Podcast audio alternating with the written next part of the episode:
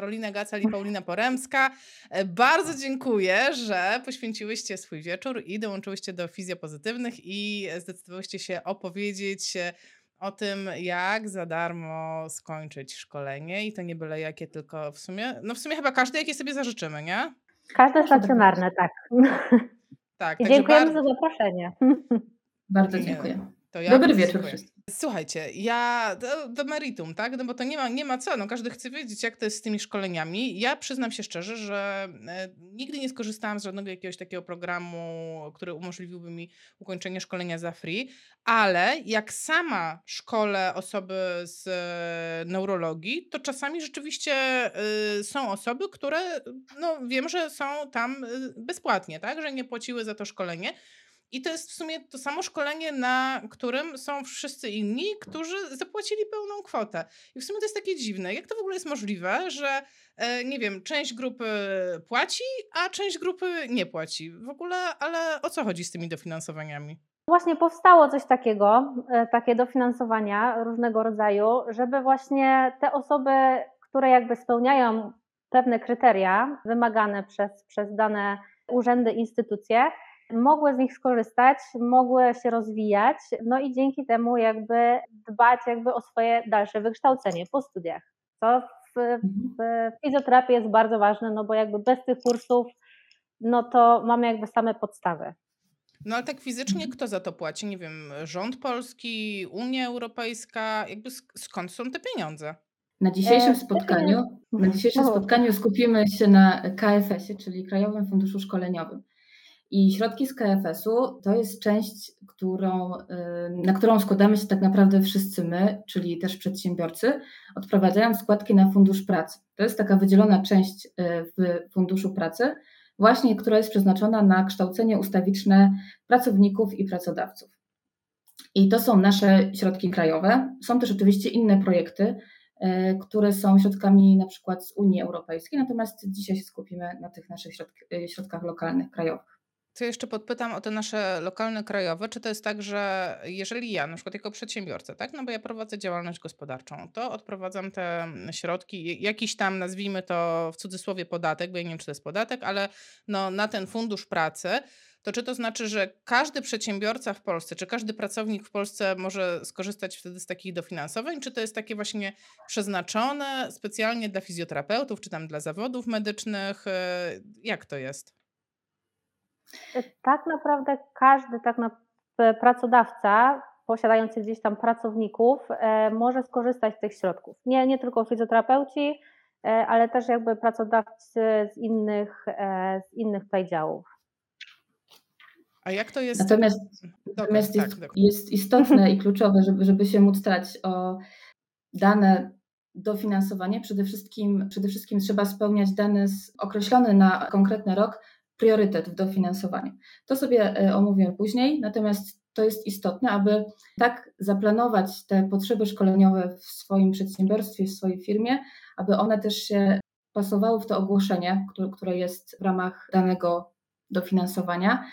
No i z takich rzeczy praktycznych y, to warto mieć zaopiekowane wszystkie ZUSy, urzędy skarbowe, y, zapłacone wszystkie składki, żeby nie mieć przeróżnych długów. I druga rzecz, jeśli się już wcześniej skorzystało z dofinansowań, żeby mieć już wszystko rozliczone, czyli mieć po prostu jedną wielką, czystą kartę. A ja jeszcze tak się cofnę na sekundę. No powiedzieliście mi, że dzisiaj będziemy mówić tylko o tych takich krajowych, tak? O tym KFS-ie. A rozumiem, że, znaczy rozumiem, ja wiem, że są inne, ale nie wiem, co to znaczy, tak? No bo dużo osób jeszcze mówi, a bur to, a bur tamto. A czy z buru mogę coś, a z buru mogę, nie wiem, e, nie wiem, czy mazowieckie może w bór. E, O co chodzi z tym burem? Co to jest ten bur? BUR. BUR to jest baza usług rozwojowych, O, Paulina, e, Paulinę zacięło. tak, czyli taki medcoach.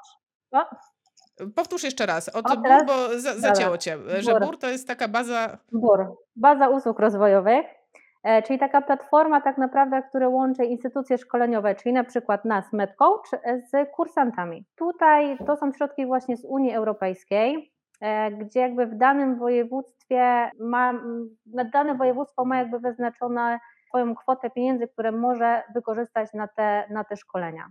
Ale to tak naprawdę jest temat na kolejny webinar, więc może, może jak z tym KFS-em skończymy, to może, może z tą bazą usług rozwojowych ruszymy.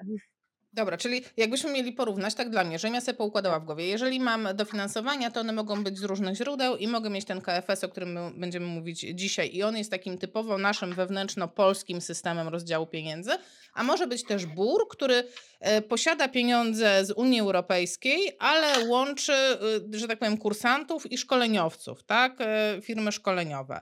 I w MedCoachu macie i takie, i takie dofinansowania, prawda? Bo wiem, bo po tak, prostu tak. spotykam tych kursantów, tak? Ale dzisiaj mówimy o KFS-ie, także to jest bardzo ważna informacja. Jak będziecie zadawać pytania, to y, zadawajcie je w temacie KFS-u, a jeżeli chcecie więcej o burze, to no cóż, no to ja się uśmiechnę ładnie do dziewczyn i będziemy myśleć, co dalej, tak? Ale zróbmy tak, że po prostu porządnie zróbmy zróbmy ten KFS. E, I moje takie pytanie, jesteście ze mną dwie, obie się zajmujecie w firmie dofinansowaniami? Tak. Tak. I to jest trudne, tak. no bo jeżeli jest firma, e, która ogarnia szkolenia i ma aż dwie osoby, jesteście tylko dwie, czy jest was więcej? Nie wiem, czy można powiedzieć, czy można zdradzać takie tajemnice wewnętrzne firmy. Jesteśmy we dwie, e, znaczy to różnie, różnie wychodzi, czasem jest więcej tych zgłoszeń, czasem mniej, e, ale teraz tak naprawdę we dwie tutaj e, pomagamy i ogarniamy. I dużo osób korzysta? Sporo. Średnio tak na szkoleniach to jest jedna trzecia kursantów. Zdarzają się szkolenia, gdzie to jest na przykład połowa albo i więcej. Więc tutaj w zależności chyba od tematu szkolenia czasem może być więcej osób z dofinansowania, czasem, e, czasem tych osób jest mniej. A e, tak, no bo tak sobie myślę, w sumie, jeżeli to jest takie osiągalne, to w sumie wszyscy mogliby być z tych dofinansowań. Czy to nie jest do końca tak? Jak spełniają kryteria pewne, o których powiemy zaraz, to, to tak, to, to mogą, mogą korzystać. I generalnie każdy kurs można to finansować. Ja będę tak drążyć, bo nie wiem, na przykład mhm. są kursy, które kosztują 10 tysięcy złotych, czy 14, 20 tysięcy złotych i na takie też można mieć dofinansowanie? Może nie w całości, ale można. Jeśli chodzi o KFS, y, to w zależności od tego, mm, jak, bo mm, składając wniosek w ramach Krajowego Funduszu Szkoleniowego, pracodawca wnioskuje do właściwego urzędu pracy zgodnego z jego siedzibą lub też z, z innej opcji. Jeśli na przykład y, ma w innym powiecie swoją siedzibę, a na przykład, nie wiem, swo, swo, swoje przedsiębiorstwo, zakład pracy jest w innym powiecie, to może wnioskować w obu powiatach. I tak naprawdę każdy z urzędów pracy, który jest y, dedykowany danemu powiatowi, y, ma określoną pulę pieniędzy i te pule pieniędzy są różne. Więc więc się nawet zdarza, że właśnie, nie wiem, na przykład w województwie mazowieckim w danych powiatach są inne kwoty niż na przykład w Małopolsce. Więc to jest też istotne i niestety nie można tego traktować zero-jedynkowo. Stąd też nie wszyscy mogą otrzymać pieniądze zawsze. Na przykład są powiaty, w których e, nabory są przeprowadzone mm, trzykrotnie, na przykład, bo zbyt wielu chętnych nie ma, a są, e, są powiaty, w których pieniądze rozchodzą się w ciągu pięciu minut. A mazowieckie? Ja tak podpytam się o siebie, bo zawsze tak e, miałam takie wrażenie, że nam na Mazowszu to się po prostu nic nie należy. Jesteśmy już tak bogaci obrzydliwie, że absolutnie nic w ogóle zapomni o dofinansowaniach. A teraz tak gdzieś tam mi przemknęło, że jednak, że jednak na Mazowszu też coś tam by się dało. Jak to jest? Na Mazowszu też jak najbardziej można korzystać właśnie z tego dofinansowania z Krajowego Funduszu Szkoleniowego. E, tylko tu was, warto zaznaczyć, że to dofinansowanie jest przeznaczone dla pracowników zatrudnionych na umowie o pracę lub dla e, pracodawców, którzy posiadają chociaż jednego takiego pracownika. To są takie podstawowe wymogi Urzędu Pracy, żeby w ogóle zacząć się starać o to dofinansowanie. Czyli jeżeli ja prowadzę jednoosobową działalność, to nie mam na niego szansy. Ale jeżeli bym miała działalność i zatrudniała jakiegokolwiek pracownika, i teraz ja już wyczuwam pytania, już tak długo siedzę na forach i mhm. czytam, że wyczuwam pytania, czy to musi być pracownik, e, czyli drugi fizjoterapeuta, czy tam inny medyk, czy to może być jakikolwiek pracownik, czyli na przykład, e, nie wiem, pani e, rejestratorka? Szkolenie, o które się staramy, musi być dobrane do y, stanowiska pracy danej osoby i danego pracownika. Więc jeśli chcemy na przykład przeszkolić panią recepcjonistkę z obsługi klienta albo y, z narzędzi typu Excel, to jak najbardziej się możemy starać o to w ramach KFS-u. Ale jeśli chcemy przeszkolić panią recepcjonistkę z jakichś kursów fizjoterapeutycznych, to nie bardzo, chyba że na przykład jest uzasadnienie, że ta pani będzie w przyszłości y, zmieniać swoje stanowisko pracy będzie się przekwalifikować, przekwalifikowywać, przepraszam. I, I chcemy ją musi, przeszkolić. I ona musi być wtedy w stosunku pracy ze mną jako pracodawcą, czy może być to tak zwane B2B, czyli kontrakt, czyli sobie współpracujemy? Musi tylko być, tylko być... na umowę o pracę, tak. Czyli... I na, na, na, na dzień składania wniosku ta umowa o pracę musi być aktywna.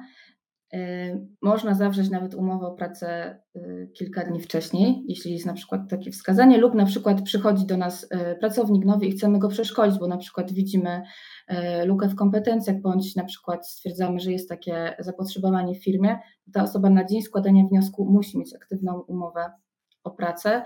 I tak samo we wniosku w KFS-ie wskazujemy, w niektórych wnioskach wskazuje się nawet osoby z imienia i nazwiska, w większości wskazujemy tylko stanowiska. Natomiast no, te osoby, które, o które wnioskujemy w ramach, w, ramach, y, w ramach naboru, powinny zrealizować to szkolenie. Oczywiście są, są wyjątki, są sytuacje krytyczne, wtedy to można zmienić.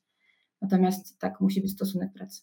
Patrz, ja już mam, już mam odpalone myślenie takie, y, nazwijmy to, ja już kombinuję, ja już kombinuję. A jeżeli ja jestem pracodawcą i mam y, zatrudnioną panią recepcjonistkę i to ja chcę się przeszkolić, to mogę wtedy?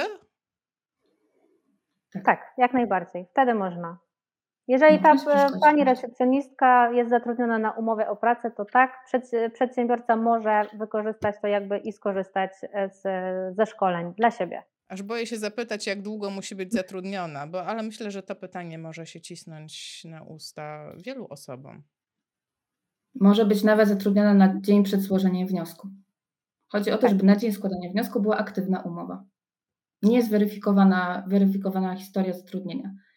Chyba, że na przykład, nie wiem, są może urzędy pracy, które e, mają we wnioskach jakieś takie punkty właśnie takie mm, krytyczne, które sobie na przykład e, stwierdzają, że dana osoba musi być zatrudniona albo na przykład, nie wiem, musi być zatrudnienie e, danej osoby na minimum 3 czwarte etatu, ale to już w zależności od tego, jak jest w danym, danym powiecie, to, to też my na etapie, jeśli kursant albo osoba zainteresowana zwraca się z prośbą, e, wypełnia na y, naszej stronie taki krótki formularz związany z chęcią uzyskania dofinansowania, my to weryfikujemy.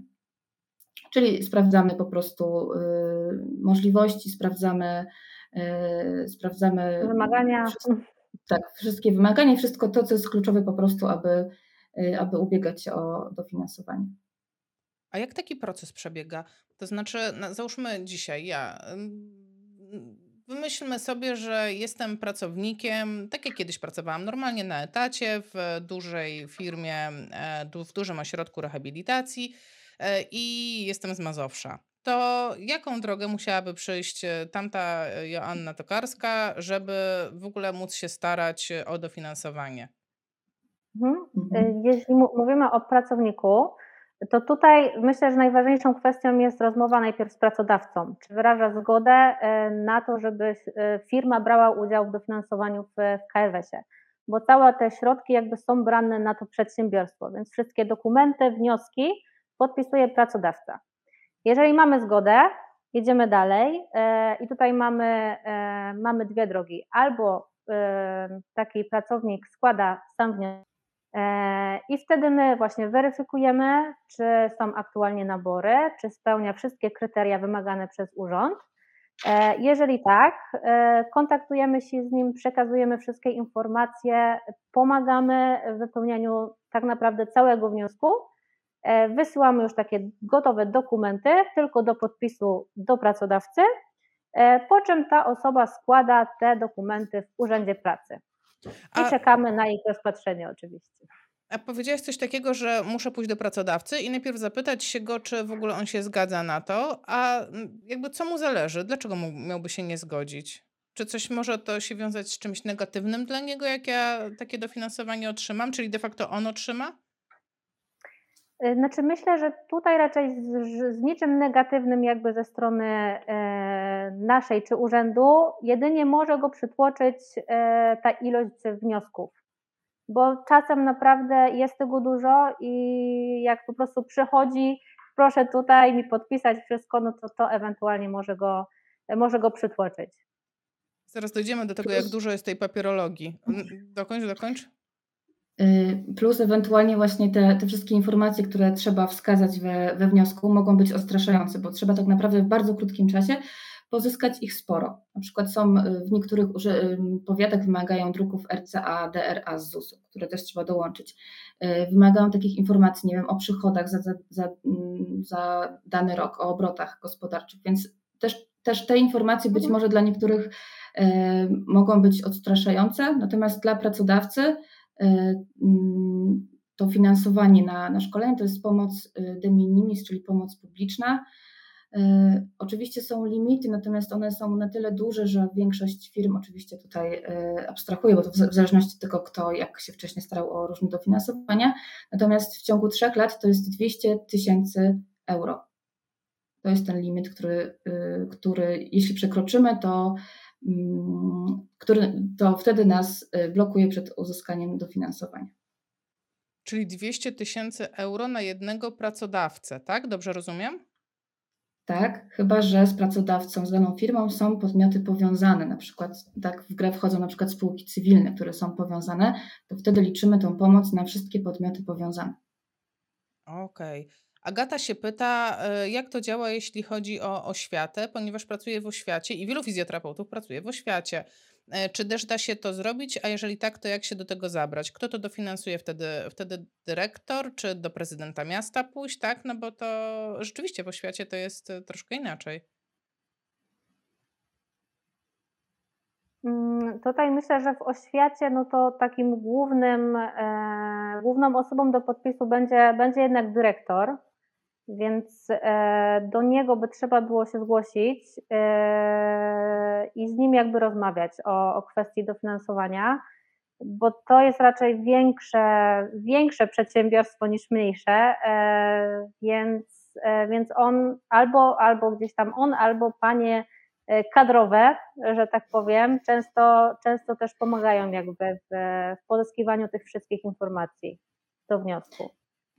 Tak, bo my też jako firma otrzymujemy właśnie mm, jeszcze z początkiem roku takie y, informacje y, z działów HR z różnych firm na, tym, na temat tego, jak wygląda oferta szkoleniowa na dany konkretny rok. I w większości, w większości właśnie dużych przedsiębiorstw, y, tak jak powiedziała Paulina, tymi, tymi dofinansowaniami, tym planem szkoleniowym i jego realizacją zajmują się działy HR, kadry. Tutaj widziałam, e, tutaj widziałam, że na czacie się pojawił też link do wypełniania takiego kwestionariusza. Gdybyście e, mieli takie pytania po prostu konkretne, o jakiś konkretny problem, to napiszcie tam w tym kwestionariuszu i indywidualnie dziewczyny Wam pomogą, tak? To po prostu, żeby e, dla wszystkich, którzy zastanawiają się o co chodzi. A ja zadam od razu pytanie następne, Justyny. E, jeżeli pracodawca mhm. spełni kryteria i zostanie przyznany KFS, ale tylko w jakimś procencie danej kwoty za jakieś szkolenie, to czy pracodawca musi dopłacić pracownikowi do pełnej kwoty, czy pracownik sam musi dopłacić? Słuszne pytanie. Pytanie jest słuszne. Odpowiedź, Paula, proszę. Mów, mów, mów. I ja tylko chciałam tutaj y, powiedzieć, że tak naprawdę jest, y, pracodawca jest zobowiązany do podpisania umowy y, na, na dane kształcenie ustawiczne. No, tak naprawdę pracodawca powinien, powinien opłacić jak gdyby inaczej, gdyby tą kwotę, która jest wnioskowana za, za dany kurs, to powinno leżeć po stronie pracodawcy tak? Czyli jeśli na przykład i zdarzają się takie przypadki, i właśnie też chcemy uczulić na to, że jeśli nawet wnioskujemy o jakieś tam konkretne pieniądze, nie nastawiajmy się, że otrzymamy 100%, z reguły tak nie jest. Są na przykład y, urzędy pracy, które y, miało takie podejście w pewnym momencie, że wszyscy, którzy wnioskowali, otrzymali środki, ale na przykład były one mocno ograniczone. No a wracając do pytania, to pracodawca powinien pokryć pozostałości. No i teraz widzę po prostu, jak zrobiliśmy niespodziankę. Naprawdę w umowie, że, że jakby to pracodawca pokrywa tą pozostałą część. Powtórzysz Paulina? Umowach... Tak, Powtórzysz, tak. Bo, bo zacięło. E, mhm. e, czasem w umowach już z Urzędem Pracy jest też taki podpunkt, że to pracodawca e, pokrywa pozostałą część dofinansowania. Ale to też kwestia później jakby dogadania pracownik przedsiębiorstwa, przedsiębiorca, jak, jak to będzie ewentualnie e, do pokrycia. Wiadomo, w umowie jest, że to pracodawca, pracodawca pokrywa resztę. Czyli teoretycznie to może być też tak, że ja jako pracownik pójdę, poproszę o to, że chciałabym się zgłosić do takiego KFS-u, chciałabym pójść na szkolenie, a pracodawca może mi powiedzieć, wiesz co, e, ale ja nie mam nawet tych 20%, żeby ci dofinansować. Jak ja tobie dofinansuję, to zaraz pozostałych 50 osób też się do mnie zgłosi. Ja tyle kasy aż nie mam. E, no i nie wiem, no i, mm, albo się w ogóle nie zgodzi na to szkolenie, albo obwaruje to takimi właśnie mm, zasadami, że no to sobie dofinansuj te 20% sama. No nie wiem, tak wymyślam. Może tak być. No to już są takie indywidualne, indywidualne mm, rozstrzygnięcia pomiędzy pracownikiem a pracodawcą. Jedyne, co możemy zalecić, myślę, to jednak trzymanie się jakiegoś planu, planu szkoleniowo-rozwojowego, o ile taki istnieje w firmie, lub na przykład pochylenie się z początkiem roku lub z końcem roku danego y, na tym, na jakie szkolenia na przykład, nie wiem, jest zapotrzebowanie większe albo jest zainteresowanie i na przykład ta osoba po prostu wysłać, jakoś to za, zakolejkować. Tak naprawdę od pracodawcy zależy, kogo on wyśle, tak? Tylko też trzeba mieć na uwadze, że jednak Mm, teoretycznie y, można wysłać wszystkich pracowników, ale warto mieć na uwadze po pierwsze te priorytety, o których y, opowiem za chwilkę, a druga rzecz, żeby jednak, y, no, trzeba to uzasadnić, czemu ta konkretna osoba ma iść na to konkretne szkolenie. Więc y, trzeba mieć na uwadze y, kilka różnych względów. Natomiast jak to pracodawcy rozwiązują, no to, no to już myślę, że temat też na inny webinar. Czyli, e, no tak, ale jakbym chciała jako pracownik zadbać maksymalnie o swoje interesy, to teraz jest moment, żeby zadbać o to, żeby powstał w ogóle w firmie taki, nazwijmy to kalendarz szkoleń, czy, taki, czy taka baza e, zapotrzebowania, żeby generalnie, tak mówiąc, po prostu była jakaś podkładka na to, że w ogóle jest zapotrzebowanie na jakieś szkolenia, i wtedy daje mi to podstawy jakieś tam, żeby pójść negocjować z pracodawcą. Hej, bo ja bym chciała no tutaj jak napisała e, Agata, umowa umową, a rzeczywistość rzeczywistością, prawda, no chcielibyśmy, żeby to było te 20% dofinansowane z puli pracownika, ale może być różnie. No, ale nawet jeżeli on powie tak, e, no to pojawia się, pojawia się kolejny problem e, i może ja w ramach zademonstrowania tego problemu przeczytam to, co napisała mm, Katarzyna. E, dziś dzwoniłam do Urzędu Pracy w moim mieście. Dowiedziałam się, że zawód fizjoterapeuty w tym roku nie jest wpisany na listę deficytowych zawodów i będzie trudniej o dofinansowanie z KFS. Polecano mi sprawdzić na stronie ministerstwa dokumenty priorytety wydatkowania środków na 2023 rok. No to jak to jest w tym roku? To będzie ciężko, czy damy radę? No właśnie tutaj się rozchodzi o te priorytety, które są wyznaczane jakby na początku roku. E, kto tak naprawdę może się starać e, w tej puli podstawowej o, środki? I faktycznie e, w, w tamtym roku, czyli w 2022, w większości powiatów, województw ci fizjoterapeuci to był właśnie zawód deficytowy. Dlatego dużo osób mogło się starać o te, o te środki.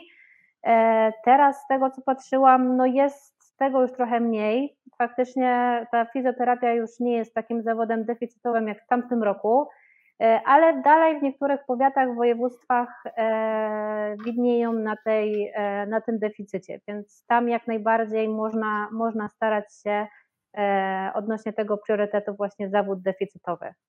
A jak to mhm. sprawdzić? Jakby teraz każdy, nie wiem, ktoś słucha naszego, naszego nagrania i chciałby to sprawdzić, to jak on ma to, tego szukać? Wchodzimy na stronę barometr zawodów i tam mm, jest wszystko rozpisane. Można sobie kliknąć na dane województwo, dany powiat i tam jest wszystko bardzo ładnie wyszczególnione obrazowo, mhm. także to jest do sprawdzenia szybko bardzo. Barometr e, zawodów. Często nawet urzędy pracy, tak, często nawet urzędy pracy wrzucają taką listę już gotową e, i można sobie po prostu kliknąć, zobaczyć i, i tam sprawdzić również. A tak z głowy pamiętacie może, y, kto jest szczęśliwym mieszkańcem y, takiego powiatu, gdzie wciąż jest deficyt fizjoterapeutów? Ja wiem, że tak zadałam pytanie z Ja chyba sprawdzałam w Kielcach.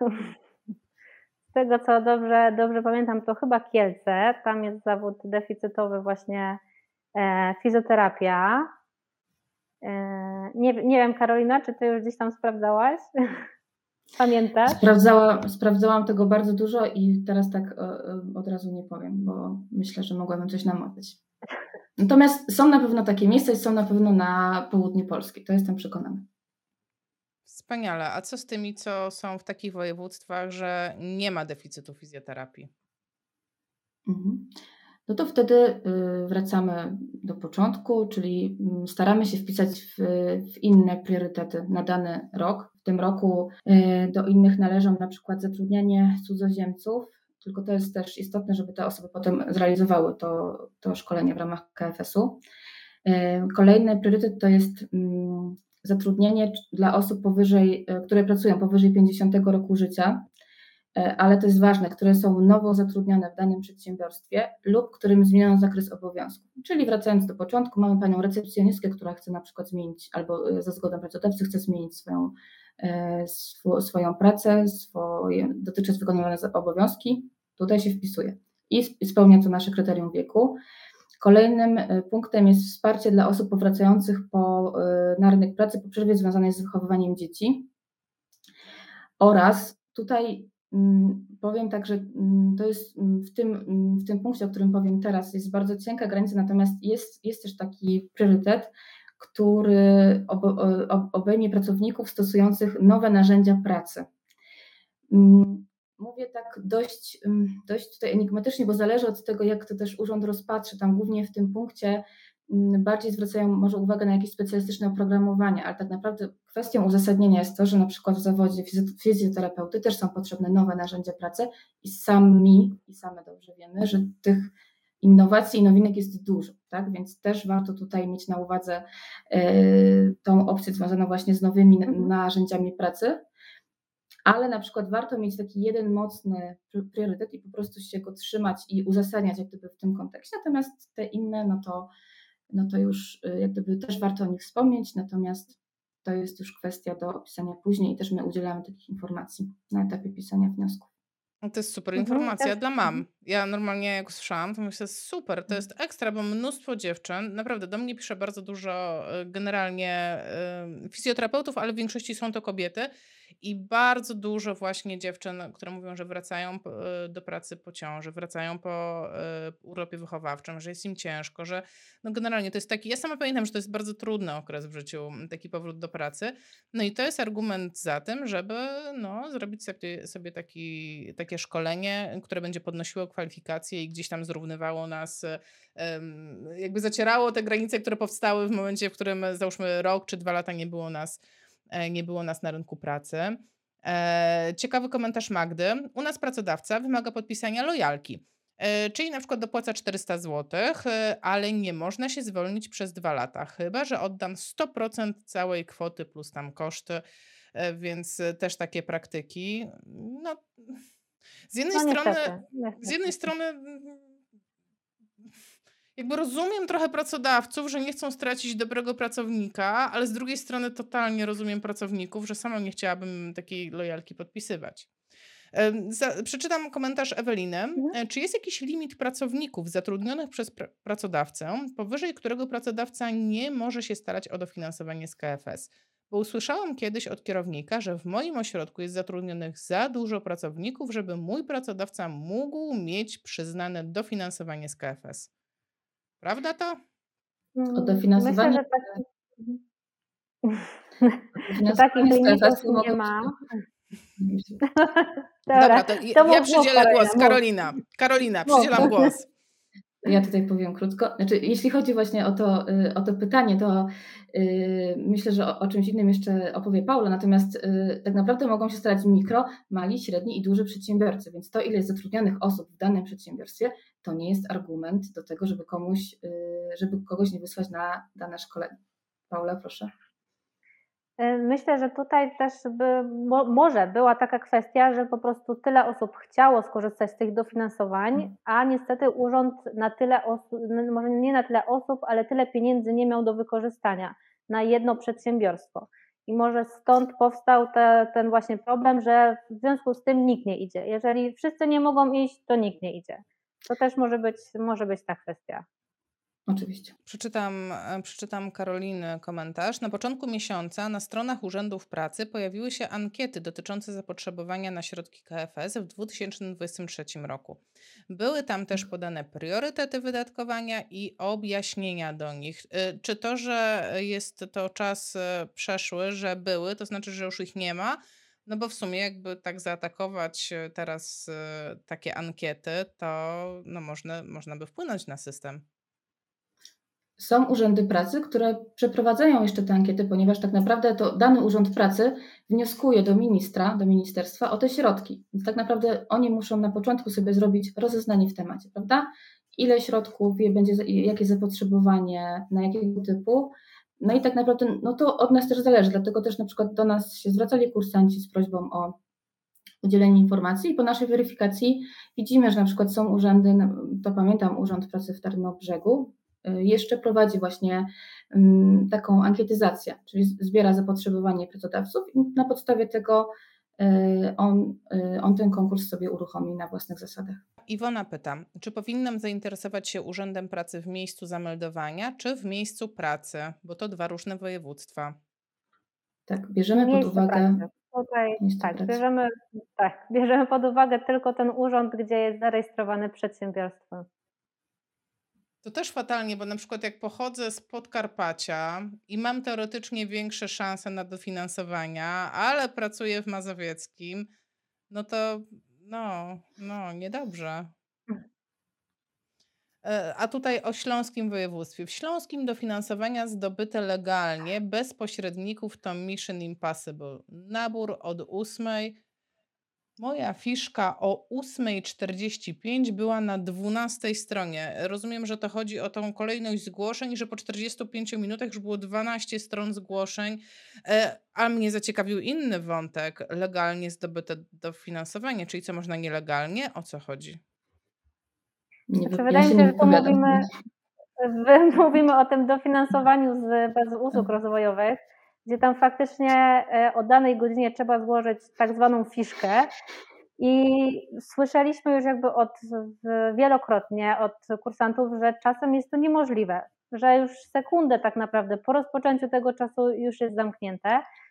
Y, szczerze nie wiem od czego to zależy, czy no pewnie, pewnie tyle chętnych, ale to jest aż niemożliwe, że już tam w tą sekundę, w tę minutę już jest wszystko zamknięte. Ale to jest bór, to jest co innego niż to mówimy jest dzisiaj, to, to jest, jest kompletnie bór. co innego. Dobrze, bo to jest ważne, żeby, żeby, żebyśmy były cały czas przy jednym temacie. Ale Katarzyna fajnie też napisała, dzwoniłam z Zamościa i dzięki karcie dużej rodziny, jak się okazało, mam szansę na dofinansowanie plus innowacje. Czyli to też nie jest bez znaczenia, kim ja jestem w kontekście e, posiadanych e, dzieci, tak? Posiadanej wielkości rodziny. Tak, w tym tak. priorytecie, o którym Karolina mówiła, że y, osoby powracające po przerwie, jest również ta druga część osoby z rodzin wielodzietnych, czyli te, oso te tak. y, osoby, które spełniają e, kryteria tej karty dużej rodziny. Mogą się również mhm. starać. A czy zdarza się tak, że ktoś złożył to dofinansowanie, przeszedł tą całą papierologię, o której zaraz powiemy, bo mam zapisaną, żeby jeszcze wrócić do papierologii, ale że ktoś rzeczywiście przeszedł to, przyłożył się, a i tak e, zostało to odrzucone i nie dostał takiego dofinansowania. No, zdarzają się takie przypadki. Podejrzewam, że mm, po takiej wstępnej weryfikacji właśnie dokumentów być może czegoś brakowało w danym zgłoszeniu. Mm, zazwyczaj e, jest to kwestia, nie wiem, źle ponumerowanych stron, coś się przekreśli, nie zaparafuje na przykład, albo brakuje załączników, które są bardzo istotne. No raczej tutaj nie możemy się liczyć z tym i nie możemy oczekiwać tego, że te wnioski nam wrócą e, do poprawy formalnej, po prostu są z góry odrzucane, jeśli na przykład brakuje załączników, no to, to niestety są odrzucane. E, jeśli chodzi o KFS, jak gdyby też wracając do tego zakolejkowania w systemach, kiedyś jeszcze było tak, że wnioski się składało w większości papierowo, więc na przykład w Krakowie ja jeszcze pamiętam czasy, gdzie pracodawcy się usta, usta, ustawiali w kolejkach przed Urzędem Pracy od którejś tam w nocy i po prostu czekali, składali wnioski. Teraz w większości można to zrobić przez ePUAP, więc jeśli ktoś nie ma profilu zaufanego, to warto sobie też o to zadbać teraz. Ale też y, są miejsca, są urzędy pracy, gdzie no, ten serwer niestety przez duże zainteresowanie się też przecina i na przykład przychodzą, nie wiem, dane przedsiębiorstwo wysyła ileś tam wniosków, na przykład przychodzą tylko trzy pierwsze, nie? czy tam dana firma szkoleniowa, to, no to jest różnie i też, y, i też w KFS-ie zakolejkować nam mogą i utknąć w systemach y, wnioski składane przez ePUAP. A jak to wygląda w praktyce? Bo e, ja już rozumiem, że jest dużo papierologii. Rozumiem, że można być odrzuconym za jakąś totalną pierdołkę, no bo, e, no bo powiedzmy szczerze, no jeżeli ktoś skreślił i nie zaparafował, no matko, no nie jest to wielki błąd, albo kolejność stron, no po prostu ja jestem w szoku, że przez takie coś można mieć odrzucony wniosek. No ale rozumiem, że po to jesteście wy, że wy to weryfikujecie, że wy to sprawdzacie podwójnie. Ale to jest tak, że jak już e, jest wypełniony ten wniosek, rozumiem, wspólnymi siłami. On, może, mo, może w ogóle powiedzcie, jak wygląda taki proces, tak? Załóżmy, przychodzę do was i mówię, hej dziewczyny, wiecie co? Kurczę, nie wiem, e, strzelam. E, tak, kurs u szapela bym zrobiła. Tej igły to, ach, tak mnie jakoś kręcą. Czuję, że jest zapotrzebowanie na rynku, ja się na tym nie znam, ja sobie, ja sobie taki kursik bym zrobiła. I co wy do mnie mówicie wtedy? My na początku zbieramy takie podstawowe dane o, na temat przedsiębiorstwa, czyli NIP, gdzie jest zarejestrowane i czy pracujesz na umowie o pracę lub jesteś pracodawcą posiadającym takiego pracownika. Jeżeli tak, no to sprawdzamy sobie wszystkie wymagania, wszystkie e, daty na stronie urzędu. No i tutaj najlepiej faktycznie wbić się w jakiś priorytet, priorytet, że tak powiem. Jeżeli to mamy wszystko, e, wszystko sprawdzone, no to patrzymy sobie tak naprawdę na wniosek, jak on wygląda, czego jeszcze tam urząd potrzebuje, bo oprócz takich podstawowych danych, jak dane przedsiębiorstwa, dane uczestnika, na jakie szkolenie chcemy iść e, i tak dalej, to w każdym wniosku jest jeszcze coś, co tam trzeba dodać, żeby, żeby był jakby w pełni, w pełni wypełniony. E, wiem, że tam Karolina ma przygotowany taki wniosek, więc może najwyższy czas, żeby go pokazała, jak to wygląda. Tak, ja wydrukowałam wniosek, który jest y, obowiązujący w tamtym roku w Grodzkim Urzędzie Pracy. Wniosek jest poglądowo oczywiście wydrukowany, natomiast no w, tym, mm, w ten wniosek akurat sam wniosek ma 11 stron. 11 stron. We wniosku oprócz tego, że spełniamy dany priorytet, trzeba też wskazać, y, wskazać y, konkretne informacje, czyli E, w jakim wieku na przykład są pracownicy, w ramach, o których się chcemy starać o dane dofinansowanie. Trzeba też takie informacje o obrocie gospodarczym. Trzeba też uzasadnić potrzebę kształcenia ustawicznego i to jest to, na co też zwracamy uwagę. My też to konsultujemy, czyli to zapotrzebowanie szkoleniowe nie może być wyssane z palca i tak pisane tak trochę na poczekaniu, jednak warto, żeby to przemyśleć, przekonsultować, może to wymagać na przykład poświęcenia kilku godzin w danym dniu, ale nawet jeśli jest bardzo krótki okres wnioskowania, to warto się nad tym też pochylić. I to jest sam wniosek. I do samego wniosku jeszcze są różne załączniki. Głównie to są załączniki, które my ze strony y, firmy przygotowujemy. Na przykład to są związane mm, stricte certyfikat, plan, plan danego szkolenia, ale są też takie wymagane załączniki, na przykład y, informacja o uzyskanej pomocy de minimis. Oczywiście też Y, nasz, nasz dział podpowiada, tak, gdzie to sprawdzić, gdzie zweryfikować na, na dany dzień, w jakim okresie. Natomiast też są takie załączniki i takie dokumenty, które jeśli jest firma na przykład duża, to trzeba też się, mm, o, o, trzeba też po prostu przejść po innych działach i pozbierać takie informacje. Ale też jeszcze warto, nie wiem czy to padło na początku, bo mamy bardzo dużo informacji, mówiąc o dofinansowaniu z KFS-u, E, dla małych, średnich i dużych przedsiębiorstw to jest stosunek 80% dofinansowania, 20% e, własnych środków, natomiast mikroprzedsiębiorstwa mogą uzyskać 100% dofinansowania, czyli tak naprawdę nie mają żadnego wkładu własnego w KFS-ie. Dokładnie. I jak mamy już te wszystkie dokumenty przygotowane, my taki pakiety, pakiecik e, odsyłamy temu kursantowi, naszemu przyszłemu i dokładnie instruujemy, gdzie się trzeba udać, gdzie wysłać, gdzie podpisać, w, jakim terminie, bo tutaj też jest ważne, żeby trzymać się tych terminów naborów, bo na przykład jeżeli ten wniosek przyjdzie przed terminem, nawet tam przed tą godziną dziewiątą, gdzie otwierają ten, ten nabór, no to już nie jest rozpatrzony. Jeżeli się spóźnimy, no to tutaj też ten wniosek nie będzie rozpatrzony. E, I też ważna kwestia, żeby zainteresować się jednak wcześniej, bo czasem mają po prostu tyle tych wniosków, że one po prostu gdzieś tam ląduje na szarym końcu i przez to też może się nie udać pozyskać tego dofinansowania. A co macie na myśli mówiąc, że terminy, pilnować terminów? To są jakieś terminy? To znaczy, że można się starać o dofinansowanie z KFS tylko, nie wiem, od 1 stycznia do 7, a potem nie, a potem znowu od któregoś do któregoś. Jakby jakie terminy? Skąd ja mam wiedzieć, gdzie ten termin jest? Gdzie go szukać? To w zależności od... Są... Paulina, proszę. Dobrze. E, te terminy e, oczywiście są e, na stronie Urzędu Pracy. Każdy urząd wyznacza sobie swój osobny termin. Czasem może być to nawet jeden dzień tylko. Często się tak zdarza, że to jest jeden dzień, tylko w tym danym dniu przyjmują te dokumenty. E, no i właśnie trzeba się jakby wbić w ten termin, żeby w ogóle ten wniosek został rozpatrzony. A Magda pyta, jaki jest czas od złożenia wniosku do weryfikacji pozytywnej? Y, ale ja rozumiem, że do weryfikacji no, jakiejkolwiek. Czy, czy jest jakiś czas, w którym ja wiem, że powinnam się dowiedzieć, czy to przeszło, czy nie przeszło? No to jest z reguły, mm, jeśli chodzi o takie planowanie szkoleń, z reguły też polecamy i większość urzędów tak ma, żeby na przykład składając wniosek y, nie planować szkoleń krótszych do realizacji niż na przykład 3 miesiące, czyli no, składając wniosek w styczniu, to warto to tak w okolicach, y, w okolicach kwietnia, od kwietnia sobie planować szkolenia, bo czas na rozpatrzenie pewnie y, tutaj jest pewnie różnie, ale podejrzewam, że to jest okres gdzieś tam 30 lub 45 dni, natomiast potem jeszcze wchodzi w grę podpisanie umowy. E, załącznie, podpisanie umowy i te wszystkie też takie formalności, które są po stronie pracodawcy, więc ten bufor trzech miesięcy my e, rekomendujemy też on jest tak przez niektóre e, mhm. urzędy pracy wymagany. A... Zdarza się, że to nawet trwa dłużej niż te 30-45 dni, bo mają tyle, tyle wniosków, że, że to naprawdę może nawet 2-3 miesiące potrwać. Więc to warto wziąć pod uwagę przy wyborze terminów e, szkoleń. I też Magda pisze, e, zapisuje się na kurs, e, trzeba zapłacić zaliczkę. Jak to rozpisać w dofinansowaniu? Od razu kontynuacja tego samego komentarza, a często jest tak, że chcę się dostać na kurs, składam wniosek o dofinansowanie, a jednak się nie dostaję. A papierologia poszła. Co wtedy? Czy możemy powiedzieć, jak to jest u nas, że tak powiem? U nas jakby można to miejsce sobie tak wstępnie zarezerwować bez e, wpłacania tej zaliczki, bo wiadomo, to rozpatrzenie, składanie wniosków czasem może, może potrwać i nie, do, nie, nie zawsze uda się pozyskać dofinansowanie.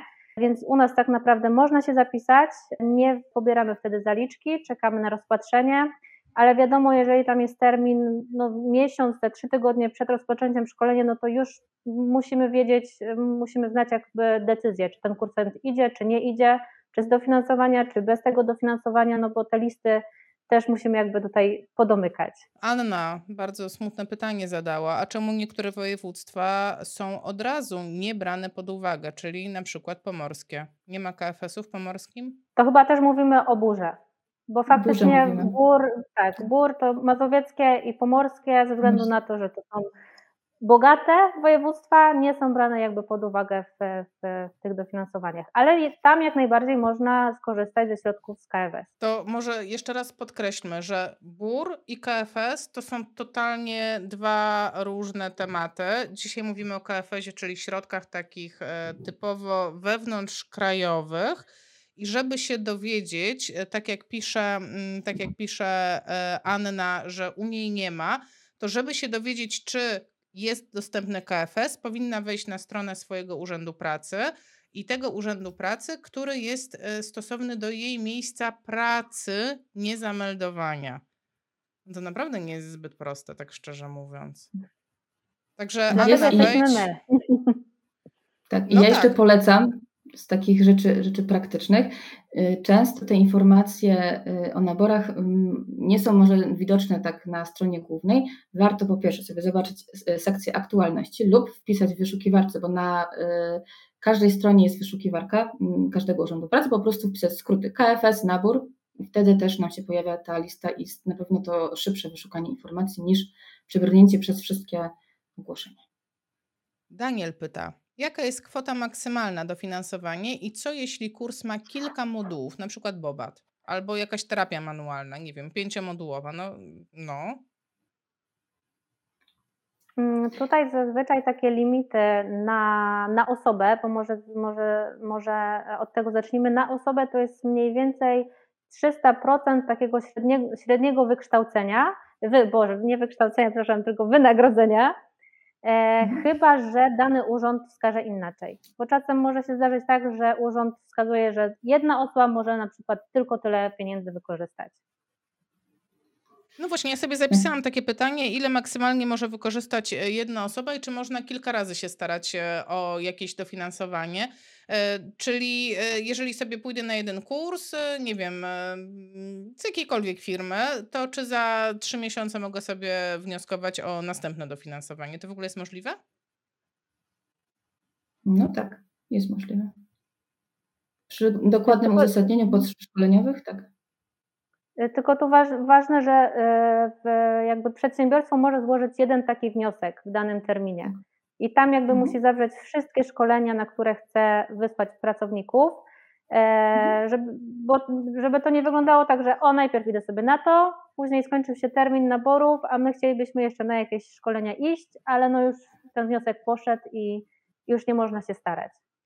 Czyli jeżeli e, tak, weszłam sobie na stronę e, Urzędu Pracy, widzę, o, będzie nabór, dopiero będzie, czyli mogę się do niego przygotować, mogę przygotować sobie te wnioski i mam w głowie, kurczę, pięciomodułowa manualka, tak? E, może się zmieszczę tam, no pewnie nie zmieszczę się w trzech średnich wynagrodzeniach, ale no tak sobie fantazjujemy, tak? Że załóżmy, że to jest kilkumodułowy kurs, bo ja na przykład spotkałam e, kolegę po fachu, który mówi, wiesz co, ja bobaty zrobiłem właśnie z dofinansowań, ale ja absolutnie nie wiem z jakich dofinansowań nie zrobił, więc tylko wiem, że to możliwe, ale nie wiem, czy konkretnie w KFS-ie. Ale chodzi o to, że jeżeli ja w tym już pierwszym wniosku zaznaczę, że to będzie kilka modułów, to jest szansa, że rzeczywiście na kilka modułów dostanę to dofinansowanie. Tak, jak najbardziej. Tak. Mhm. Anna pisze, że pisała do MedCoacha i odpisali, że nie wchodzi w to pomorskie, co by potwierdzało, że chodzi o bór. Tak, chodzi Zapewne. Tak, tak, tak. Dobrze. Okej, okay. czyli y, mogłybyście mm, powiedzieć taką, e, taką jakby drogę, taką uproszczoną drogę w kilku krokach, żebyśmy to sobie wszyscy poukładali w głowie. Od momentu, kiedy mi zaświta w głowie pomysł, chciałabym skorzystać z dofinansowań, do momentu, w którym wchodzę na salę szkoleniową i jestem spokojna, bo nie zapłaciłam za to, albo zapłaciłam niewiele, albo zapłacił mój pracodawca te 20%. Mhm. To taka uproszczona, chyba najprostsza droga, którą my zalecamy, e, to faktycznie rozmowa z pracodawcą. E, po, po zgodzie, w takiej wstępnej zgodzie, wypełniamy formularz dofinansowań, który jest na naszej stronie w zakładce dofinansowania. E, wypełniamy go, zaznaczamy, jakimi szkoleniami jesteśmy zainteresowani, E, i później tak naprawdę my już się tutaj weryfikujemy, sprawdzamy i kontaktujemy się z taką osobą i cała procedura e, idzie dalej. I we wszystkich województwach pomagacie, bo to jest, MedCoach ma siedzibę w Krakowie. Na przykład moje szkolenia są tylko w Krakowie i w Warszawie, ale wiem, że przyjeżdżają osoby ze Szczecina też na te szkolenia, czy tam, nie wiem, z Komańczy w Bieszczadach. E, czyli wy jesteście w stanie pomóc e, na terenie całego kraju fizjoterapeutom. Tak. tak. Ale nie zawsze musi się udać. Co się musi zadzieć, żeby się nie udało? O tak, wrzućmy na, na koniec taką łyżkę dziegciu. Co musi się zadzieć, żeby się nie udało? Ojejku, no to musi być splot e, różnych okoliczności. Często to są tak naprawdę takie właśnie e, kwestie, jak mówiliśmy, czyli no złożymy wniosek, mamy wszystko elegancko gotowe, ale przytnie się na przykład serwer, prawda? I no wtedy już nie mamy też wpływu. No i z jednej strony my też wykonały, wykonaliśmy pracę jako firma, przygotowując wnioski, a z drugiej no po prostu jest, jest czynnik, który nam, nam e, uniemożliwia.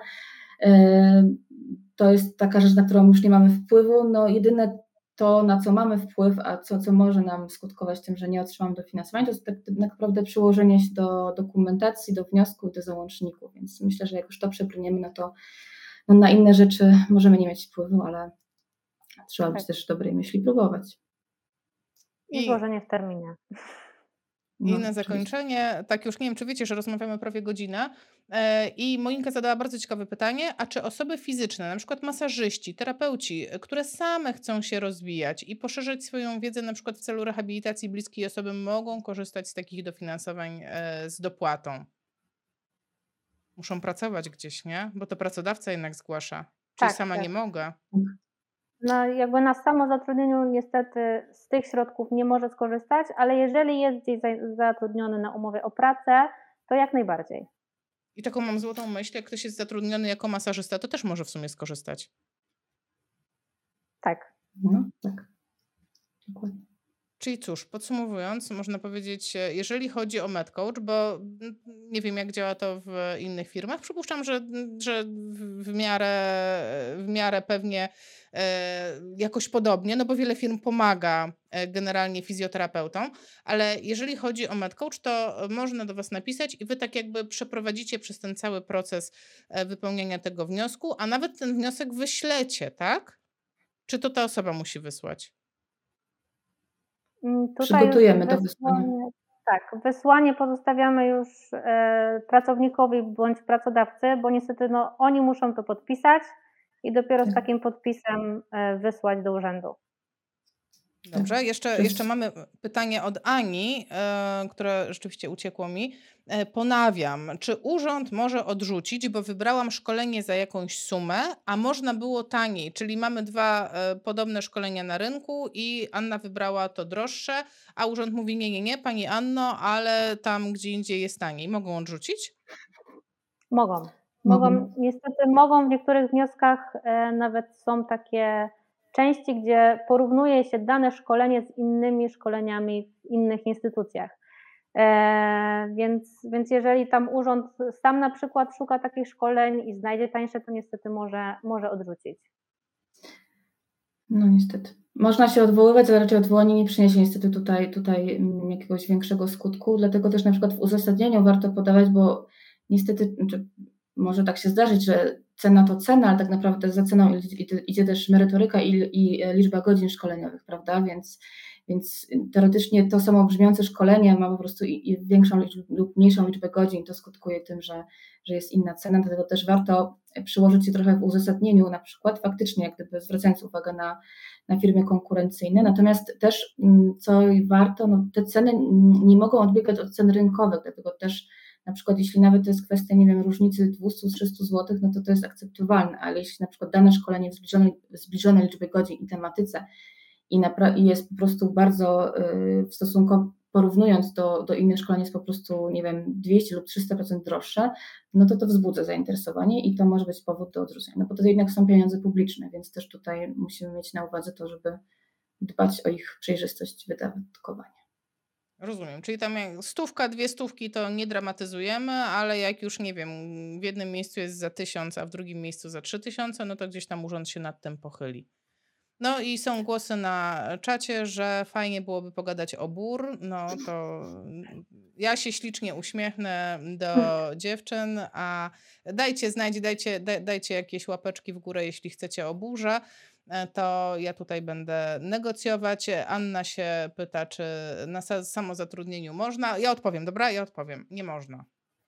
Musisz być albo pracownikiem, albo mieć pracownika. I już ja na przykład dużo więcej wiem o KFS-ie, a o burze, no cóż, następnym razem. E, dziewczyny, czy mm, jakbyście miały jakąś jedną złotą myśl, poradę dać osobom, które myślą o tym, żeby się przeszkolić za darmo albo bardzo mało za to zapłacić, to co by to było? Z mojej strony yy, to próbować. Po prostu próbować. Tak, żeby się nie przerażać ilością dokumentów, bo my z tymi dokumentami e, pomożemy. Wspaniale. Ja, a ja w międzyczasie zobaczyłam łapeczki w górę, więc e, no cóż, no bór nas nie minie. Dziewczyny, bardzo, bardzo Wam dziękuję za to, że poświęciłyście dzisiejszy wieczór, e, żeby opowiedzieć na fizjopozytywnych o co chodzi z tym całym KFS-em. E, mam nadzieję, że dużo z Was skorzysta z takich dofinansowań. No bo słuchajcie, po co płacić więcej, jak można mniej? Życzę Wam wszystkim bardzo e, lek lekkich e, wniosków i lekkości w ich wypełnianiu i samych pozytywnie rozpatrzonych. A tymczasem, a tymczasem, o już tutaj padają następne pytania. Obiecuję, słuchajcie, że wszystkie je zapiszę na następny raz, no bo już dziewczyny się nie wywiną, widzę to.